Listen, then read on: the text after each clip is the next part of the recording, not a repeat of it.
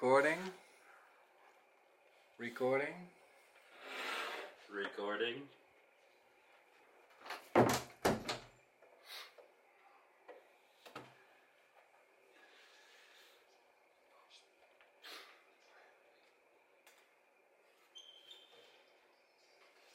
Een beetje klein, hè? Ja. Moet een pdf pakken.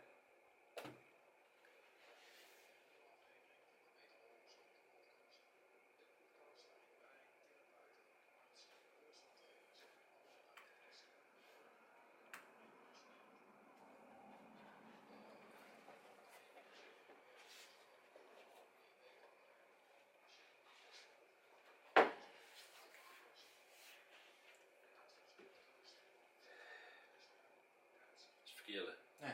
Oh, locatie. Ja. Dacht ook even, maar.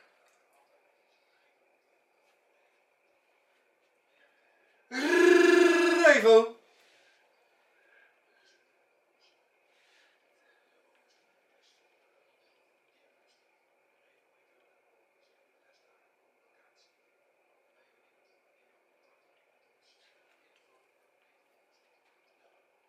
Hè?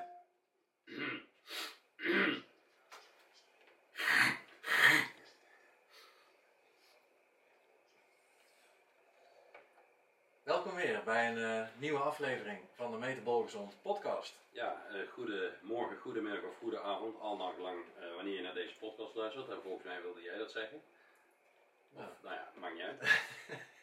Ehm, we gaan weer eens een drieluik doen. Ja. En we hebben besloten een drieluik te doen over hoofdpijn. Ja, Ehm, vandaag trappen we af met spanningshoofdpijn.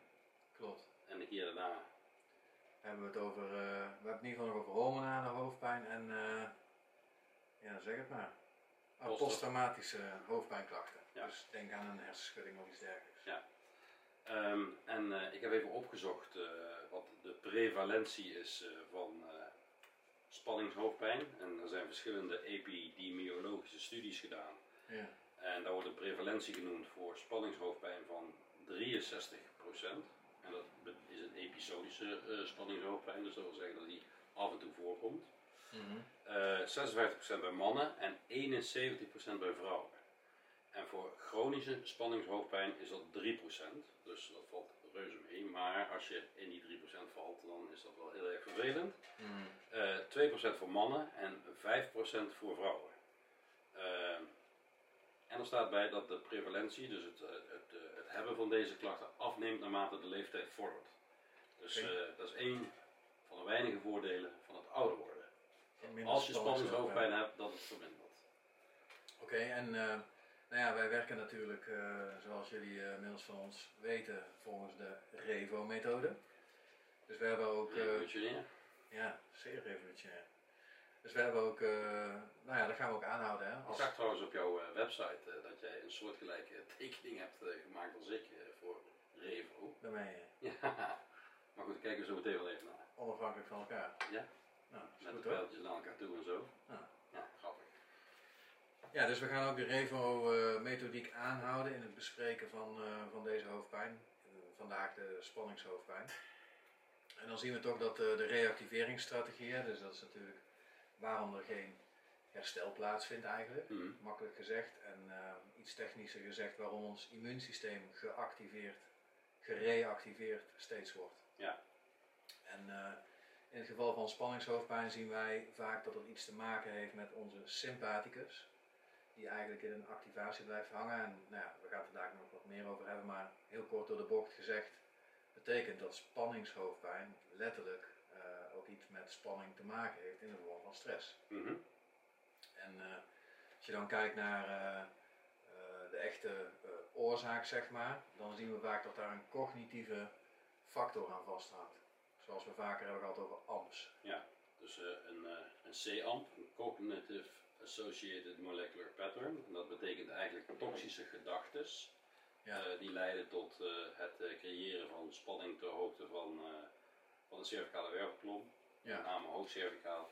Ja. die dan kunnen leiden tot ja, spanningshoofdpijnklachten.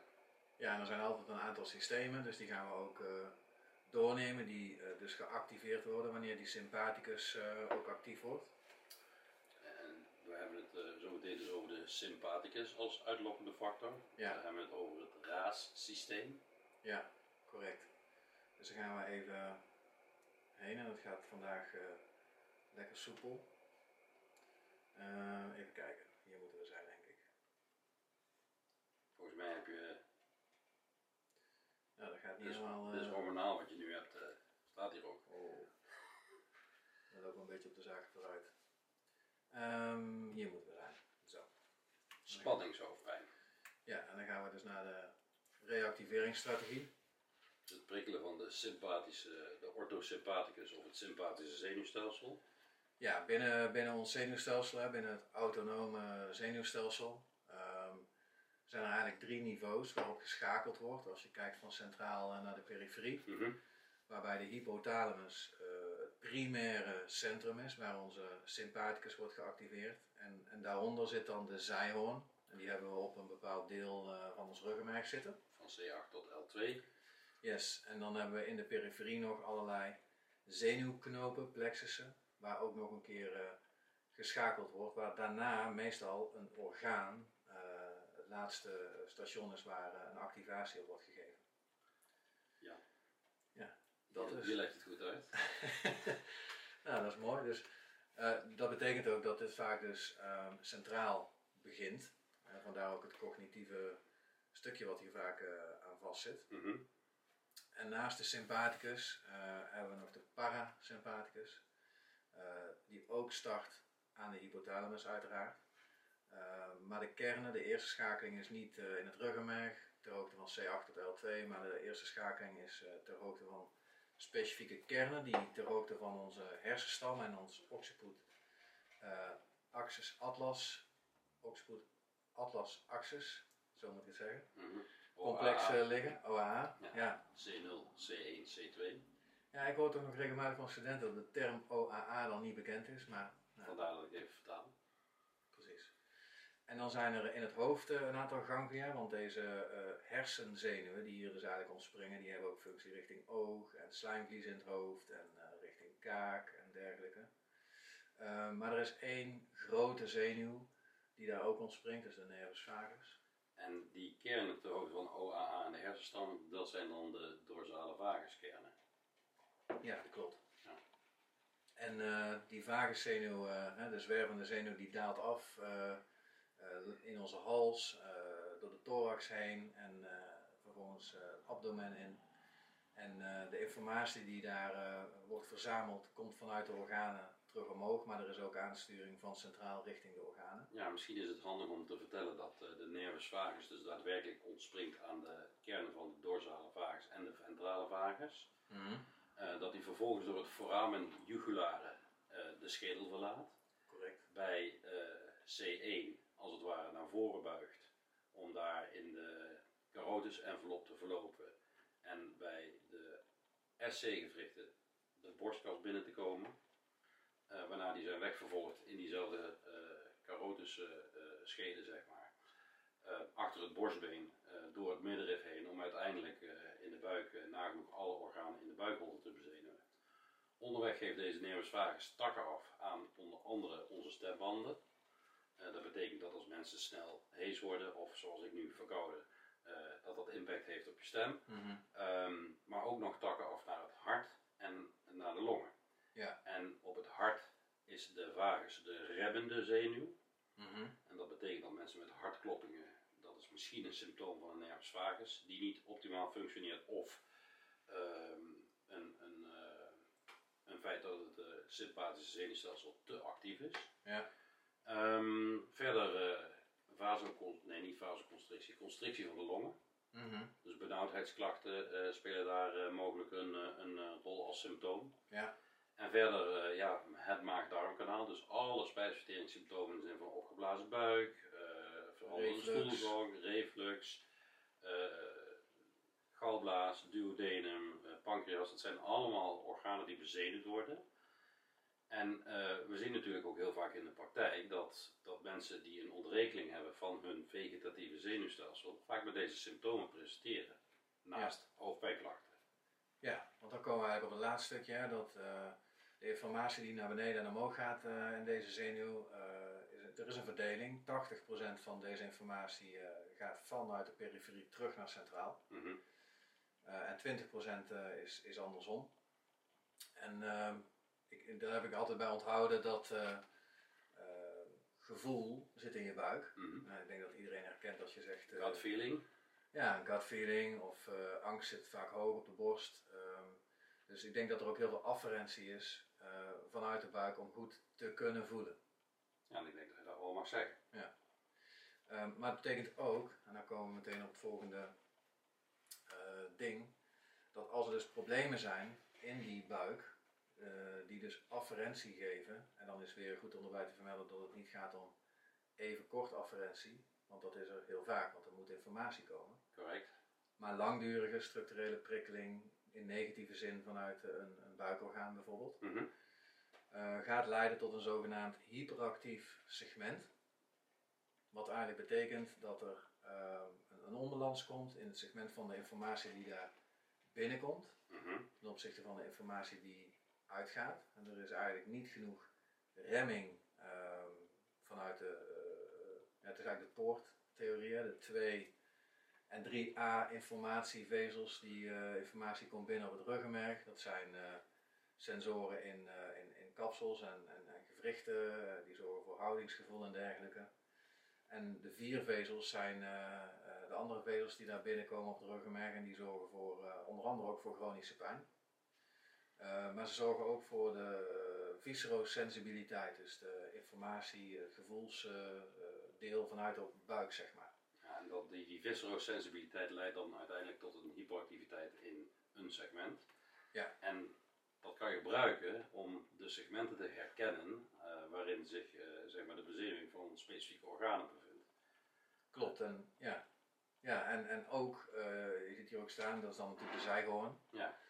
Maar ook via de voorhoorn, waar meer motorisch eh, eh, efferentie eh, komt uit een segment. Ga je dus vanwege de overprikkeling van dat segment. Ja, Ja. ja. dus als dat op OAA is, vanuit een probleem uit de buik, ga je dus ook zien dat alle spiergroepen die geïnnerveerd worden vanuit het OAA, waaronder de rectus capitis en de obliquus, eh, de diepe, meest diepe, Plenius capitis. ja ook, meest diep gelegen suboccipitale spiertjes, Mhm. die ook connectie hebben met onder andere weer onze dura. Eh, Als die eh, continu in een, eh, in een spasme komen door een prikkeling, dan kun je daar dus eh, spanningshoofdpijn van krijgen. En is eh, het doen van oefentherapie dan geïndiceerd eh, als, eh, als behandeling? Ik heb net even naar de NHG-standaarden gekeken en volgens de NHG-standaarden is dat niet het geval, omdat er te weinig effectiviteit is van oefentherapie bij spanningshoofdpijn. Nou ja, eh, het is in ieder geval zo dat als die dorsale nekspieren de hele tijd getriggerd worden, dat er in ieder geval denk ik een onbalans is tussen de voor- en de achterzijde. Ja. En eh, naar die voorzijde wordt ook niet zo vaak eh, gekeken, mijns inziens. Ja, heel vaak niet, denk ik. Want de klacht zit natuurlijk aan de achterzijde, eh ter hoogte van het occiput of boven in de nek, straalt uit over het hoofd heen of misschien zelfs soms naar andere delen van de schedel toe. Ja, nou ja, als het over het hoofd heen gaat, dan is dat vaak een prikkeling van de nervus occipitalis natuurlijk, die dus ontspringt tussen die spierbuiken van eh, de algenoemde diepe nekspieren. Ja, en ik weet ook dat het, het gevoelsgebied van de vagus is, is het occiput zelf ook. En het binnenoor. Oké. Dus daar kan je ook hoofdpijn ervaren vanuit deze prikkeling. En als de dura op spanning komt, dan heb je ook nog te maken met. in de schedel hebben we natuurlijk ook een dura, alleen heet het daar tentorium of de falx.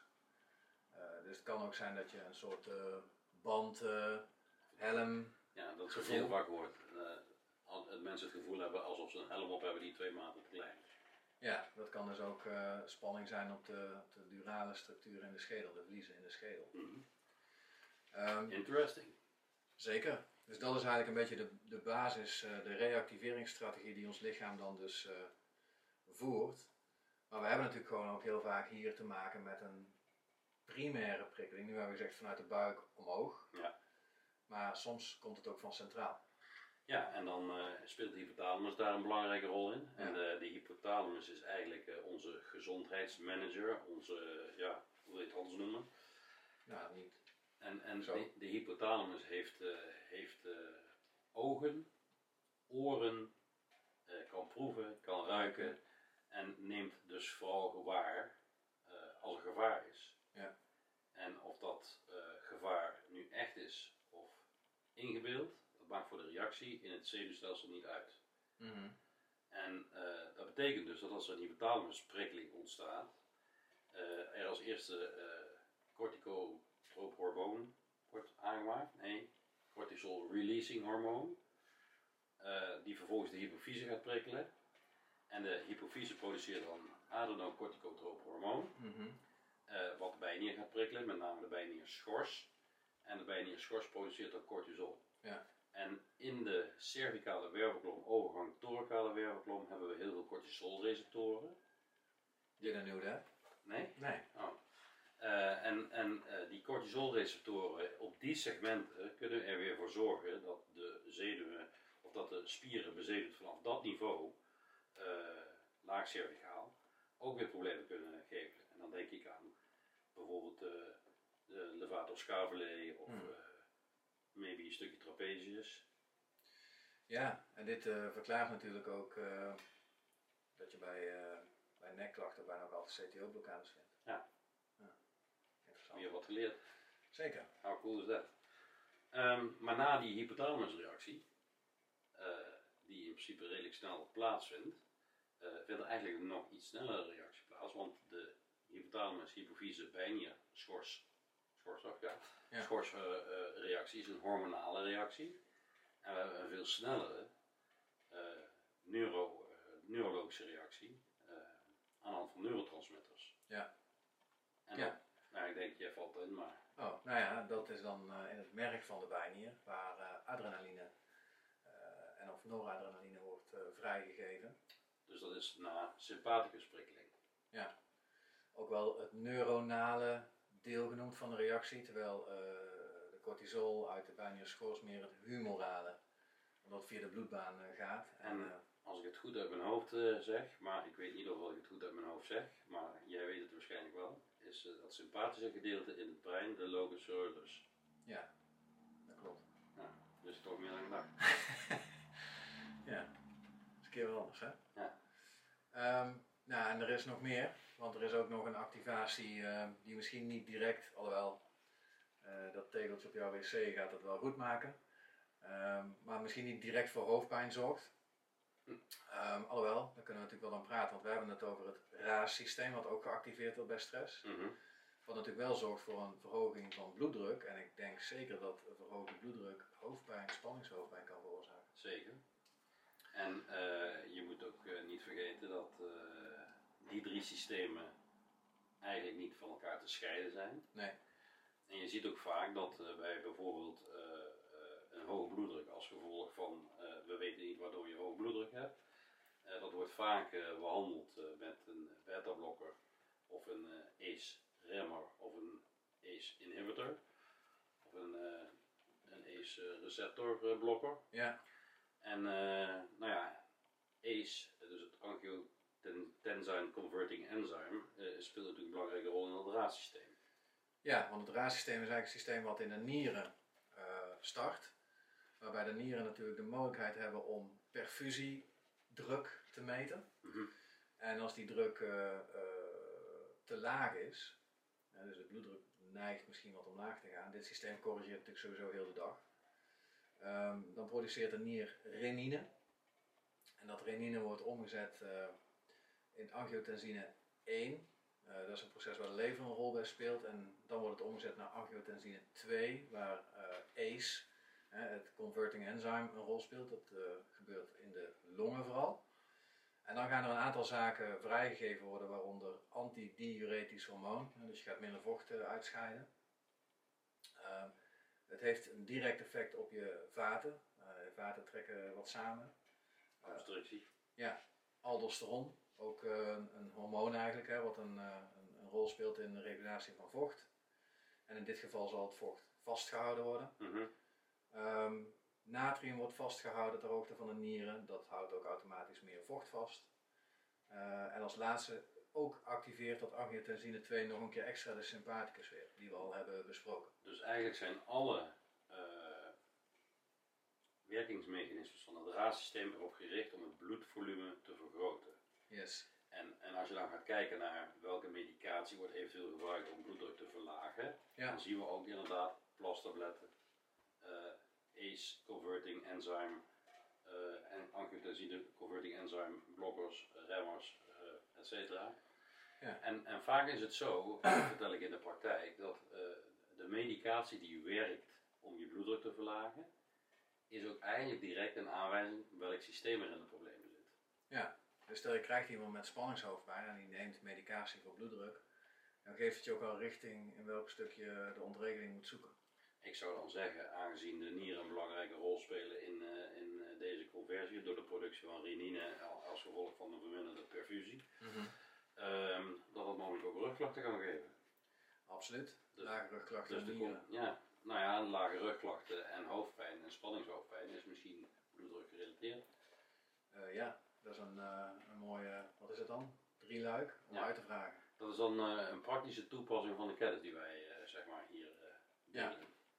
Nou, en eigenlijk hebben we het al gezegd, hè, want die systemen samen vormen dan eigenlijk de zogenaamde universele stressreactie. Mhm. En zoals je terecht al gezegd hebt, altijd als er een stressreactie is, dan krijg je en eh, het, het, het terugwinnen van glucose via de barrières in darm en nieren. Ehm, door de cortisolproductie wordt natuurlijk sowieso alweer meer glucose ook vrijgezet in het systeem, want energie is nodig voor de stressreactie. Mhm. Ehm, eh, terugwinnen van natrium, hè, want zout trekt vocht aan. En eh, daarmee dus ook automatisch het terugwinnen van water. En dit is natuurlijk iets wat wordt veroorzaakt door die drie, eh, of nou door die drie, door eh, de sympathicus, de hypothalamus en het raadsysteem. Mhm. En eh, ons inziens dus heel vaak de grondslag van, in dit geval ook spanningshoofdpijn. Ehm, de vagus hebben we al gezegd hè. Ja. Ehm, er is ook nog een rol eh, mogelijk weggelegd in spanningshoofdpijn voor de nervus phrenicus. De motorische aansturing van ons ademhalingsdiafragma. Mhm. Waarbij natuurlijk diezelfde organen in die buik, als daar spanning ontstaat, er zitten een aantal organen ook direct vast aan ons diafragma. Zoals het hart, Ja. de longen Mhm. aan de bovenkant en aan de onderkant eh, met name het lever Ja. en in mindere mate de maag. Ja, dus als daar eh, spanning ontstaat en dat diafragma beweegt minder tijdens ademhaling, dan kan je eh, krijgen dat er dus ook eh, minder, verminderde afferentie komt over die phrenicus naar centraal, waardoor er weer een hyperactief Segment. segment ontstaat. In dit geval op de cervicale segmenten C3 tot C5. Mhm. Dus de musculatuur die daar wordt aangestuurd, die kan ook weer in een spasme gaan en ja, zorgen voor spanningshoofdpijn. Denk bijvoorbeeld aan de scaleni, die daar ook eh, belangrijk zijn. Dat is toch wat je regelmatig ziet in de praktijk. Ja. Eh, eens even zien. Oh ja, dit was ook wel interessant. Dat er toch een, eh, een indeling is, nou, een richtlijn misschien een beetje is voor hoe je spanningshoofdpijn klinisch zou kunnen identificeren. Ehm, en dan wordt hier gezegd, moet ik even goed kijken. tension, dus dat is natuurlijk dan de spanningshoofdpijn. Ehm, ja, dat is eigenlijk het bandgevoel wat hier vooral wordt gezegd. Hè? Oké. Terwijl migraine vaak een eenzijdige hoofdpijn is, vaak ook achter het oog. Dat is ook letterlijk de vertaling van migraine. Is dat zo, ja? Dat het eenzijdig is. Nou, dat wist ik niet. Ja. Heel erg geleerd. en misschien heb jij nu wel eh, hoofdpijn eh, meer aan het fasciale deel van je gezicht. Nee, gelukkig niet. Ah. Ja, dat kan zijn Dat vanuit heb je ik vorige week sinussen. wel gehad, maar nu, nu niet, gelukkig niet meer. Nee. Ja, dus eh, eyes and cheeks. Oké. Eh, clusterhoofdpijn. ehm, achter een oog. Vaak ook eh, volgens mij dieper, dieper gevoel in, eh, in, in de schedel gelegen. Ja, en, en heel erg veel klachtengevend. Ja. ja, en ik weet dat ook, maar daar komen we dan nog op bij hormonaal. Maar zowel migraine als clusterhoofdpijn iets te maken hebben met inflammatie van de trigeminus zenuw. Mhm. Ehm, allergie. Dat was voor mij, eh, weet ik nog toen ik het plaatje zag, ook een soort van nieuw. Dat je dan veel bovenop je hoofdpijn eh, eh, terug gaat zien, zeg maar. Ik heb altijd gedacht dat de pijn bovenop je hoofd het typisch leversymptoom was. Dat soort ik geleerd in Ja. mijn opleiding osteopathie. Nou, ik weet dat de een van de kenmerken van een leverprobleem is ook eh, allergieën. Dus Histamine. ja, ja. Runny nose, sneezing, watering eyes. Ja. Eh, en exertional, Ja, anywhere in head. Inspanningshoofdpijn. Oké, dus dat is eigenlijk een, een, een, een drukgevoel, een algemeen verhoogd drukgevoel. Ja. Nou ja, de zaken die dus kunnen leiden tot een verhoogde spiertonen zijn eh, activatie van de, de sympathicus, eh, humoraal via noradrenaline en adrenaline, neuronaal via segmentale relaties. Verder kan het zo zijn dat de parasympathicus via 80% afferentie uit de buik via de nervus vagus, dus ook op de, die niveaus eh, een verhoogde spierspanning kunnen geven. Ehm, segmentale relaties spelen een rol bij het diafragma, Ja, dat is dan weer via de frenicus. via de Fredicus inderdaad. Het diafragma kan ook nog een rol spelen via de hulpademhalingsspieren. Eh, als het diafragma niet voldoende functioneel is, dat je dus de scaleni bijvoorbeeld gaat aanspreken om eh, voldoende ventilatie in de longen te krijgen. Ja, ik zeg ook altijd tegen mijn patiënten van als je diafragma niet goed beweegt, je zou in rust alleen met je diafragma moeten kunnen zorgen voor voldoende ademhaling. En dat is dus een buikademhaling. Ja, dus als mensen hoog ademen in rust, kun je eigenlijk al zien eh, als ze voor je zitten, een bepaalde aanspanning in de nek ook zit of de borstkast eh, heel erg meedoet in de ademhaling. Mhm. Ja, dan ben je dus eigenlijk secundaire ademhalingsspieren aan het gebruiken. En het is zelfs zo dat wanneer je hoog ademhaalt, alsof als er geen stress is en je toch een hoge ademhaling hebt, dat ons zenuwstelsel dat leest alsof er stress zou zijn. Ja. En dat is een dus in, in zich, in, in, sorry, even terugspoelen. Dat is een zichzelf in stand houdend fenomeen, eh, dat je dus hoofdpijn blijft houden, ehm, ondanks, eh, het, eh, of dankzij het feit dat daar een visueuze cirkel ontstaat. Ja, ik moet altijd denken aan een eh, patiënt van mij, was een van mijn eerste patiënten. Het kan zomaar zijn dat ik het al een keer verteld heb, maar nog een patiënt met COPD, die al jaren... Nou, mij heb je het in ieder geval verteld, maar Ja. Die al jaren een paar keer per week eh, werd behandeld, gemobiliseerd, gemasseerd, spieren werden losgemaakt in de nek, want ze had enorm veel nekklachten. Mhm. Ehm, ik studeerde osteopathie en ehm, ik vroeg eigenlijk aan die vrouw van, nou, hoe zit dat? Eh, je komt al zo lang en wat helpt dat dan? Zegt ze, ja, ik heb eigenlijk één tot twee dagen eh, heb ik meer last. Eh, en dan normaliseert het weer tot het niveau wat het eigenlijk altijd is. Dus zei ik hoe van- kom je dan? Ja, dat vroeg ik ook. Zeg, ja, nou ja, het is wel fijn als dat op dat moment, als het los wordt gemaakt, voelt dat Ja. prettig. Ja. Ja, oké.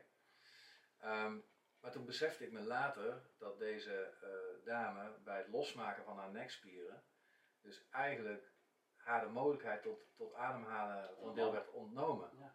Omdat haar hulpademhalingsspieren vanwege haar eh, longpathologie eh, structureel eh, aan het werken moesten. En dan zie je natuurlijk ook dat als je de romp als een vast punt beschouwt en de, de cervicale werfkom en het hoofd als een vrij bewegend iets, op die manier kan je je hoofd draaien. Mhm. Ehm, maar zij kon haar hoofd totaal niet draaien. Dus bij haar was het hoofd een vast punt geworden Om haar schouders op te trekken. Ja, en dan zie je dus dat het niet altijd handig is om hypertonie te behandelen. Nee. Ehm, we hebben net al gezegd dat segmentale relaties een rol spelen en dat er dus via de voorhoorn een, een, een hypertonie van musculatuur zou kunnen ontstaan. En vaak zie je dat dat een compensatiemechanisme is voor wat er achter de schermen van het lichaam gebeurt. Dat is iets Ja. wat we natuurlijk vaker zeggen. Ehm, maar dan, dan is het misschien handig om eh, op te kijken naar de, naar dingen zoals wij ze net genoemd hebben. Ja, en als laatste in het rijtje dan nog het uh, raassysteem, waardoor een verhoogde bloeddruk ook kan zorgen voor een, eh, Van hoofdpijn. Een spanningshoofdpijn. Ja. Ehm, nou, we hadden gezegd, daar kunnen we denk ik ook nog kort iets over zeggen, dat eh, die stressreactie vaak voor iets door iets veroorzaakt wordt. Hè? Een, eh, een, risicofactor, een oorzaak, in dit geval een cognitief eh, ding. Mhm. Dus een negatieve gedachte. En, en wat we daar zien is dat precies de fysiologie wordt geactiveerd die hoort bij stress. Dus een sympathicus actief, de HPA-as, dus dat is het verhaal richting eh, hypothalamus, hypofyse, bijnier. Mhm. eh, en het raadsysteem. En dus gedachten, negatieve gedachten, zorgen voor alles wat we hiervoor eigenlijk beschreven En hebben. negatieve gedachten zijn dingen zoals, eh, oh dat lukt mij toch niet, of ik ben er niet goed genoeg in, of ik ben er niet Ja. goed genoeg voor, of eh, mensen vinden me toch niet leuk. Of, en dat zijn echt negatieve gedachten. Ja, ja En en daar eh, van. iedereen wel zo, maar het is ook natuurlijk relatief voor iedereen eh, anders. Want voor de een Zeker. Uh, iedereen heeft een andere kader en een andere context natuurlijk. En want normaal gesproken is bij een negatieve gedachte is eigenlijk een oplossing vereist om het probleem op te lossen. En als je dat ook doet, dus je komt uiteindelijk tot een juiste actie en een juist besluit om je probleem, je gedachten weg te krijgen, dan is het ook geen probleem. Nee. Maar het wordt een probleem als een chronische negatieve gedachtenstructuur ontstaat. Zoals altijd, iets wat kortdurend aanwezig is, is vaak geen probleem. Juist de dingen die langer blijven bestaan en niet oplossen, dat, dat geeft uiteindelijk uh, problematiek die we vaak zien in pond Ja, precies. Um, eens even zien. Want dan kunnen we misschien nog iets zeggen over het feit. Nou ja, wij hebben daar misschien niet iets van nu, maar wij hebben een model waarmee we kunnen uitvragen. Ik denk dat we er wel eens over gehad hebben. Uh, hoe het zit met die. Uh, of er sprake is van negatieve gedachten. Mm -hmm. um, en we doen dat eigenlijk via een aantal fysiologische kenmerken die we in eerste instantie uitvragen. Dus we vragen aan iemand hoe je hartslag, de ademhaling, de spanning in de buik, de spanning in de nek en de onderrug is. En de spanning in de hartslag en de ademhaling is een beetje raar, maar dan vraag je gewoon wat, wat is er gaande met je hartslag of je ademhaling? Is die verhoogd? Uh, of slaat je hart uh, harder? Uh, ben je kortademig? Als iemand ja antwoordt op een van die zaken, in acht nemen dat de vraag die daarbij hoort ook is van als je hoofdpijn hebt, heb je dan last van een verhoogde hartslag? Heb je last van kortademigheid? Hoe is de spanning in je buik? Hoe is de spanning in je nek en onderrug? En dan is de volgende vraag, en welke gedachten heb je hier dan bij? Nou, en dan kan iemand dus zomaar met de negatieve gedachten naar voren komen die misschien wel aanleiding is tot het hele verhaal van die spanningshoofdpijn. Ja, en wat je niet moet vergeten te doen, is dan na het eerste antwoord te vragen en wat nog meer. Ja. En wat nog meer. En vaak duurt het een aantal keren en wat nog meer voordat je echt op, de, op het probleem uitkomt, zeg maar. Ja. Um, en uh, nou ja, de, de, de manier zoals we dat uh, gebruiken is, is eigenlijk uh, dat je doorvraagt tot de eerste meta-emotie. Nou, en nou ja, dat kan boosheid, wat hebben we nog meer, angst. ja, daar moet ik altijd over nadenken. maar meta-emoties zijn in ieder geval. Um, oh, de computer gaat bijna uitvallen. Mm -hmm. zijn emoties die in ieder geval. Um, zeg maar, um, echt een hindernis kunnen zijn. En, en iedereen is wel eens een keer boos. Maar meta betekent ook dat ze, er, dat ze op een bepaalde manier zijn als iemand persoonlijk blijft praten. Je gaat even de oplader halen. Um, het zijn in ieder geval emoties die, um, die voor iedereen een echte hindernis tot, tot herstel kunnen zijn. En niet generiek voor iedereen er vaak zijn. Zoals boosheid en angst en dergelijke. Het is meer zoiets als bijvoorbeeld schaamte schuldgevoel. dat zijn dingen die mensen zich heel erg persoonlijk uh, aantrekken. Nou moet jij even praten. Want anders dan uh, kun je de stok, stekker die in het stokcontact steken. Um, schuldschaamte, wat had je nog meer? Ja, dat zijn uh, meer meta-emoties. Ja. Um, en, en, en, boosheid en angst zijn emoties die behoren dan niet tot de meta-emoties, omdat die zijn generiek. Ja. En meta is meer dat iemand dat ook echt zelf persoonlijk ervaart. Want wat voor iemand schuld is, is niet voor iedereen een schuldgevoel, maar angst uh, is iets meer generieks. Dat was voor een beetje het onderscheid, als ik okay. het goed zeg. Um, nou, hoe kan je dat voorkomen dat je stress krijgt? Nou, dat je cognitieve stress krijgt. Ja.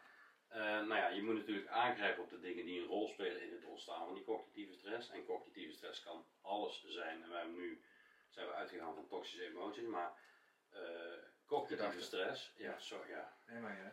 Uh, cognitieve stress heeft vaak te maken met het feit dat je bijvoorbeeld meer werk hebt dan dat je uren in de dag hebt.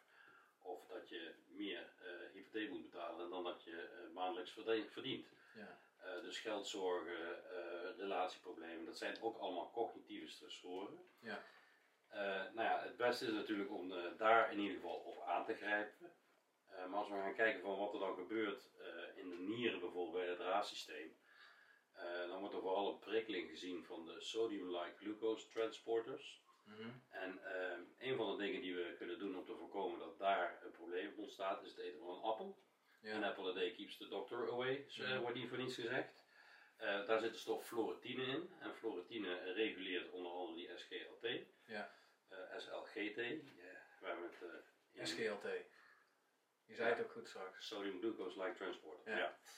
Uh, verder is het zo dat eh, als we gaan kijken naar, naar eh, cortisol en adrenaline, dan hebben we het over neurotransmitters en over hormonen. We weten al heel lang dat we van neurotransmitters, eh, daar worden we steeds gevoeliger voor. Hmm. Met andere woorden, de prikkel eh, hoeft steeds kleiner te zijn om desondanks een reactie van het systeem uit te lokken. Ja. Terwijl voor cortisol eh, als hormoon geldt dat we daar steeds minder gevoelig voor worden. Ja. En dat betekent dat, ja, wij noemen dat dan dat de assen desynchroniseren. Ja. Eigenlijk moet je het zien als, een, als, een, nou ja, als een golf waarin adrenaline en cortisol samen eh, moeten bepalen eh, hoe dat die stressreactie verloopt. Mhm. Waarbij de productie van cortisol eveneens het begin van het aflopen van de stressreactie eh, betekent. Maar het betekent dus ook dat als je in chronische stresssituaties bent, dat als je meer en meer en meer cortisol produceert vanwege een situatie, dat de hoeveelheid receptoren voor cortisol afneemt. En dat betekent dat je gevoeligheid steeds minder wordt, waardoor het ook steeds moeilijker wordt om die stressreactie tot een halt te roepen. Ja. En dat noemen we een desynchronisatie, dus de, de verhoogde gevoeligheid van het neurologische deel van de stressreactie en het verminderd gevoelig zijn in het hormonale deel. En eh, die twee assen willen we met elkaar resynchroniseren.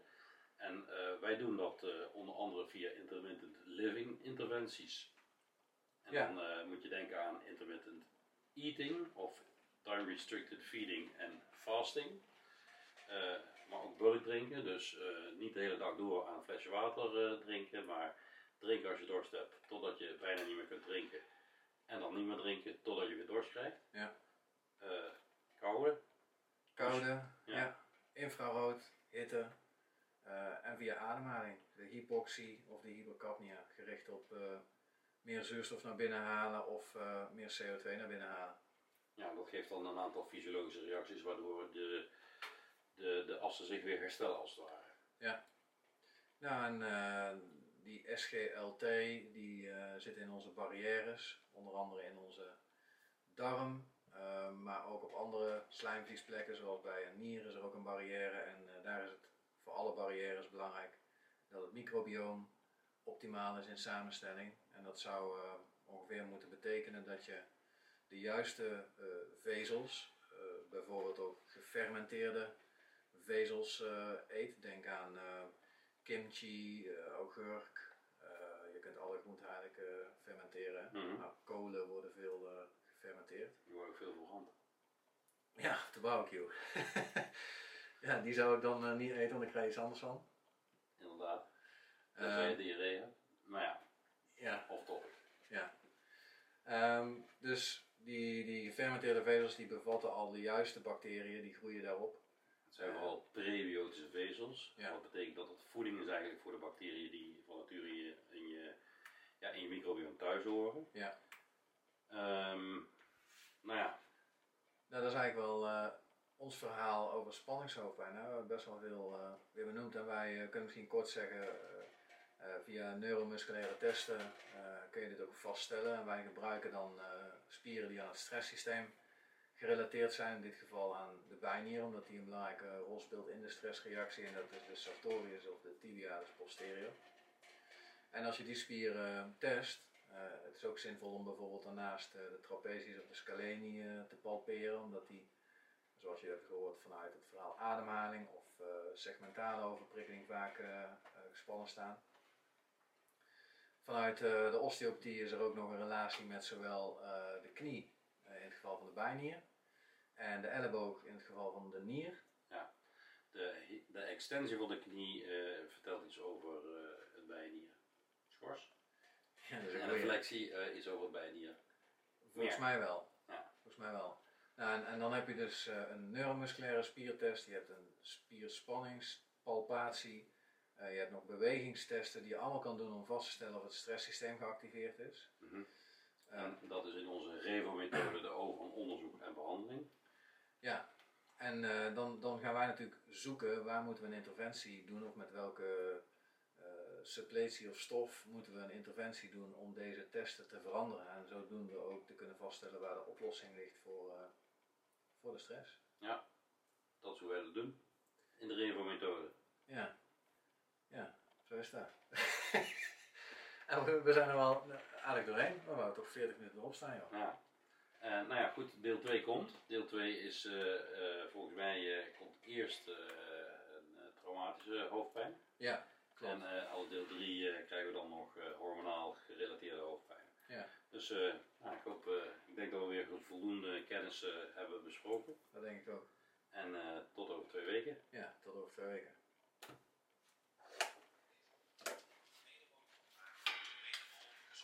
Dit was een hele gevulde, denk ik. Ja, wel een goeie. Ja. Ik denk dat mensen hier ook blij van worden. En de camera heeft het gedaan. Ja, en gered. Dus het was een goed plan om hem eh, pas in te schakelen bij eh, het starten van de podcast.